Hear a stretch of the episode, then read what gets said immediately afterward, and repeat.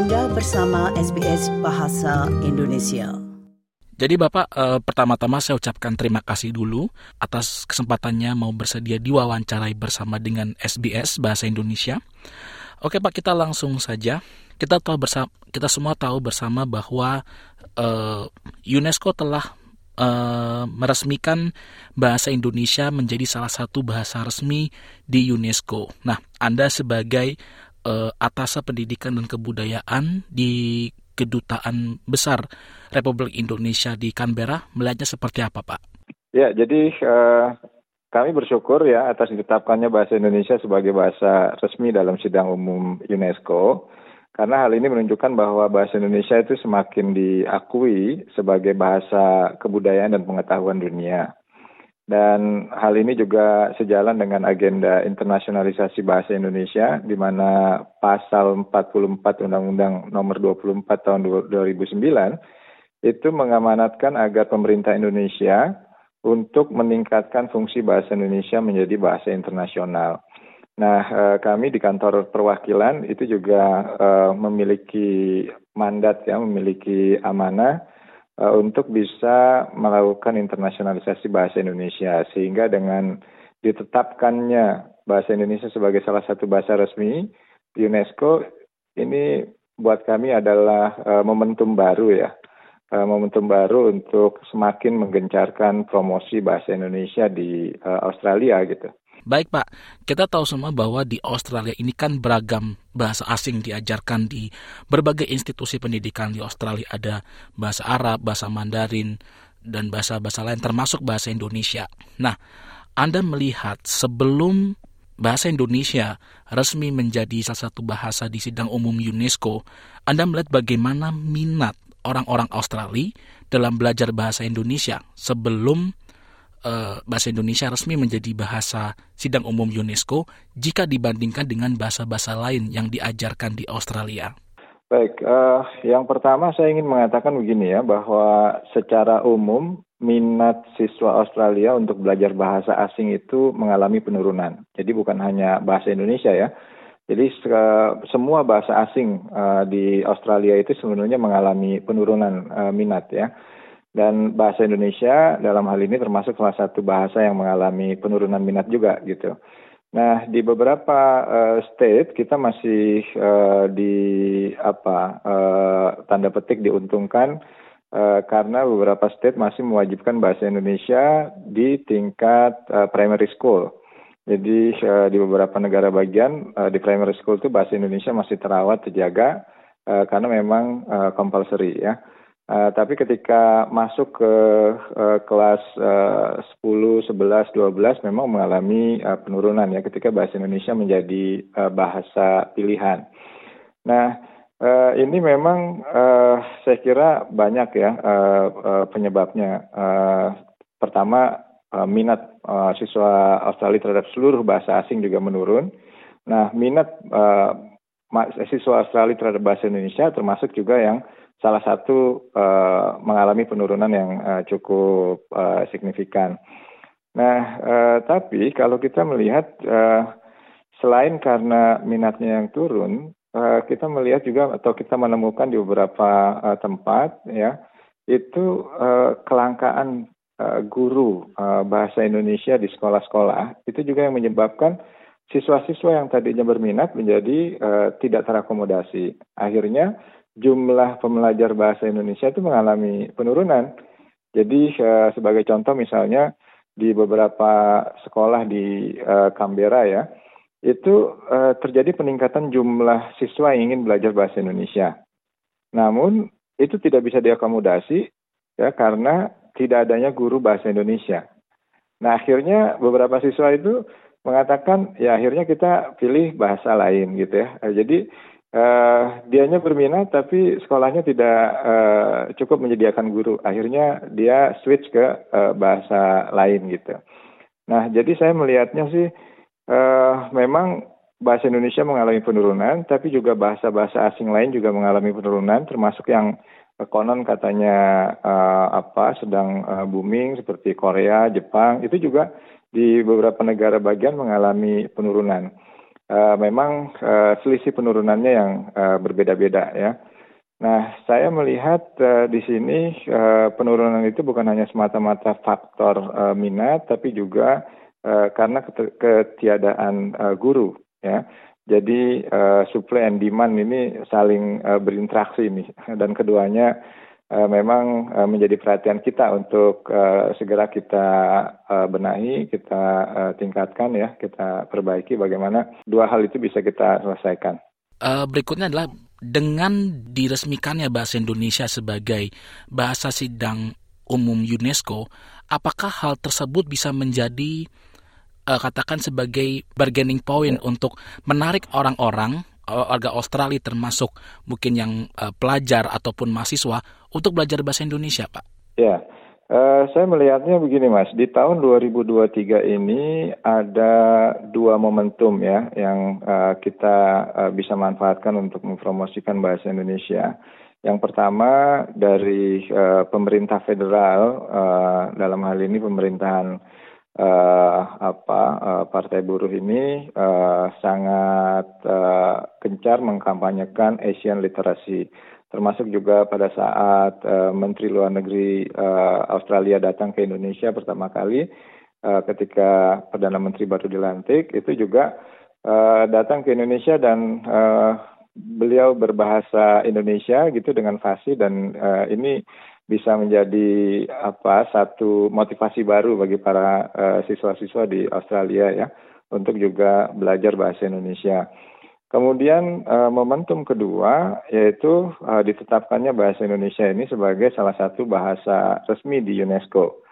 Nah, ditetapkannya bahasa Indonesia sebagai bahasa resmi UNESCO ini dapat menjadi satu amunisi baru ya untuk meyakinkan siswa, orang tua, ya kepala sekolah akan pentingnya pelajaran bahasa Indonesia. Jadi uh, ini apa salah satu uh, amunisi baru bagi para uh, guru juga untuk meyakinkan bahwa bahasa Indonesia ini bukan hanya sekedar bahasa kebudayaan atau bahasa uh, tetangga ya karena kita berdekatan uh, geografisnya tapi juga di masa depan akan menjadi bahasa pengetahuan, bahasa ekonomi, bahasa bisnis dan kenyataannya saat ini bahasa Indonesia itu telah dipelajari di 54 negara.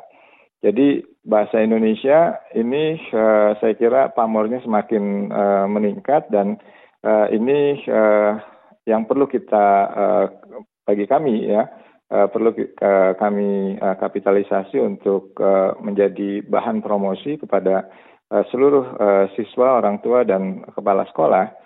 Kalau mereka tidak mengajarkan anak-anak mereka, tidak mengajarkan siswa-siswa mereka bahasa Indonesia, atau siswa-siswa Australia tidak belajar bahasa Indonesia, maka mereka akan tertinggal di masa depan. Uh, karena uh, 54 negara saat ini sudah um, mempelajari bahasa Indonesia gitu.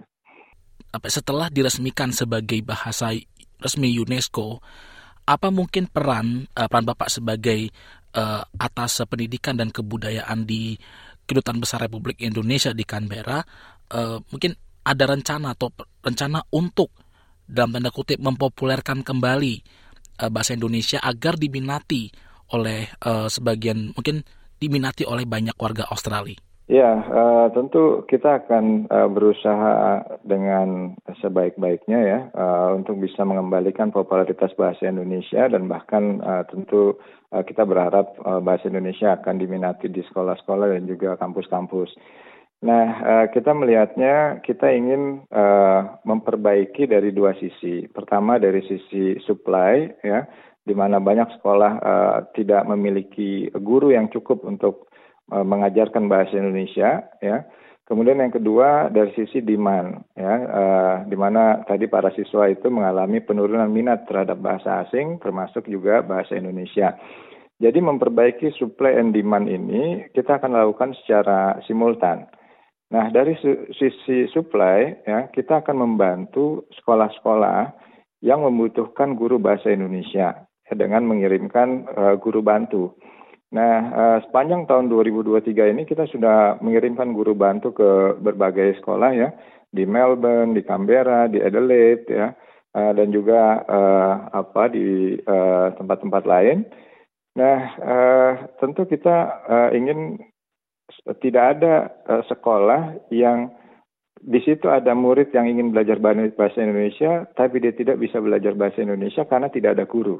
Nah, karena itu kita ingin menawarkan kepada sekolah-sekolah di uh, Australia yang membutuhkan guru bantu, kita akan mengirimkan guru bantu. Nah, tentu jika memungkinkan, kita juga dapat membantu sekolah sekolah-sekolah mengundang guru tetap ya dari Indonesia. Jadi untuk memenuhi kelangkaan uh, guru bahasa Indonesia di sekolah sekolah-sekolah Australia. Tapi itu kan uh, ada prosedur-prosedur persyaratan-persyaratan yang uh, masih perlu kita uh, bicarakan lebih uh, jauh lagi. Nah, tapi tahap awal dengan pengiriman guru bantu itu kita ingin memperbaiki dari sisi uh, supply ya. Jadi jangan sampai ada sekolah yang tidak bisa mengajarkan bahasa Indonesia karena tidak ada guru. Nah, kemudian yang kedua dari sisi demand ya, kita ingin melakukan promosi yang lebih masif ya dan komprehensif itu mencakup promosi bahasa Indonesia kepada siswa, orang tua, dan kepala sekolah karena ketiganya kita yakini merupakan aktor yang uh, berpengaruh dalam penentuan keputusan pelajaran bahasa Indonesia. Jadi uh, siswa mau belajar bahasa Indonesia bisa jadi uh, dipengaruhi oleh orang tua atau juga bisa jadi karena keputusan dari kepala sekolah ya. Misalnya kalau kepala sekolah bisa mewajibkan pelajaran bahasa Indonesia untuk kelas uh, 10 sampai kelas 12 misalnya seperti yang terjadi di beberapa sekolah uh, tentu ini akan uh, mendorong uh, siswa-siswa untuk belajar bahasa Indonesia. Uh, kalau orang tuanya juga bisa kita yakinkan bahwa bahasa Indonesia adalah bahasa yang penting uh, untuk dipelajari oleh, anak-anaknya, ini juga akan mempengaruhi siswa untuk belajar bahasa Indonesia. Uh, tapi tentu uh, siswa sendiri juga harus bisa kita motivasi untuk belajar bahasa Indonesia. Karena itu uh, program Indonesian Goes to School yang uh, kita uh, laksanakan itu akan kita lakukan juga secara masif ya. Uh, jadi kita akan datang ke sekolah-sekolah ya untuk mengenalkan budaya Indonesia, mengenalkan Indonesia dan juga uh, mengenalkan bahasa Indonesia. Kemudian kita juga mengundang sekolah-sekolah untuk datang ke uh, KBRI ya uh, ke kan, ke juga kantor-kantor perwakilan kita di uh, negara bagian yang lain untuk bisa berinteraksi secara langsung, mengenal kebudayaan Indonesia, mengenal Indonesia secara langsung di eh, kantor-kantor perwakilan Indonesia. Nah, uh, harapannya dengan begitu mereka menjadi tertarik ya untuk belajar bahasa Indonesia. Kita juga uh, mengundang siswa-siswa untuk bisa berkunjung ke Indonesia secara langsung.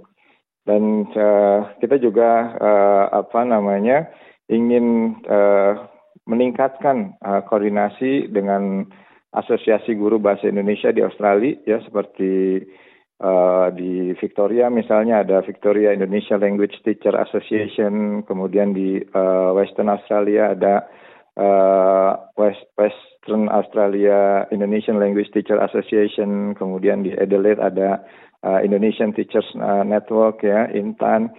Nah, uh, selain itu juga di setiap uh, negara bagian kita punya yang namanya Balai Bahasa dan Budaya uh, Indonesia, ya BBI di uh, New South Wales, di uh, Victoria, di Western Australia, di Queensland. Nah, itu juga kita ingin uh, melakukan koordinasi dan sinergi yang lebih baik lagi ya untuk bisa mempromosikan bahasa Indonesia di uh, Australia. Nah, sementara itu untuk pembelajar bahasa Indonesia di luar kampus dan sekolah ya kalau kampus dan sekolah tadi uh, apa namanya variabelnya uh, ketersediaan guru dan uh, adanya minat uh, para siswa ya. Nah, untuk pembelajar bahasa Indonesia di luar kampus dan sekolah, kita juga uh, menyediakan kelas-kelas uh, bahasa Indonesia ya bagi orang dewasa. Jadi uh, ini untuk memenuhi keinginan uh, masyarakat Australia di luar uh, kampus dan sekolah yang ingin belajar bahasa Indonesia, baik untuk kepentingan bisnis, uh, untuk kepentingan traveling, atau sekedar karena mereka uh, cinta bahasa Indonesia gitu ya. Kalau di uh, Canberra misalnya uh, apa namanya Australia Indonesia Association uh, itu uh, menyelenggarakan kelas-kelas bahasa Indonesia ya. Uh, selama ini uh, diselenggarakan di uh, pusat kebudayaan Indonesia di uh, Canberra. Uh, dan uh, mereka juga menyelenggarakan kelas uh, online. Nah, kemudian di uh, Perth misalnya itu Balai Bahasa Indonesia Perth itu juga menyelenggarakan kelas bahasa Indonesia untuk orang dewasa. Nah, uh, yang seperti itu kita akan uh, tingkatkan lagi, kita uh, akan uh, upayakan supaya bisa dilaksanakan secara lebih masif lagi. Uh, gitu kira-kira, Mas. Dan mungkin itu saja Pak yang uh, bisa saya tanyakan kepada uh, Pak Najib selaku atas uh, pendidikan dan kebudayaan di Kedutaan Besar Republik Indonesia di Canberra. Uh, sekali lagi Pak, saya ucapkan terima kasih atas waktunya Baik, untuk kasih, wawancara bersama sama -sama. SBS. Baik, terima kasih sama-sama. Sehat selalu, Mas. Anda ingin mendengar cerita-cerita seperti ini? Dengarkan di Apple Podcast, Google Podcast, Spotify, atau di mana pun Anda mendapatkan podcast Anda.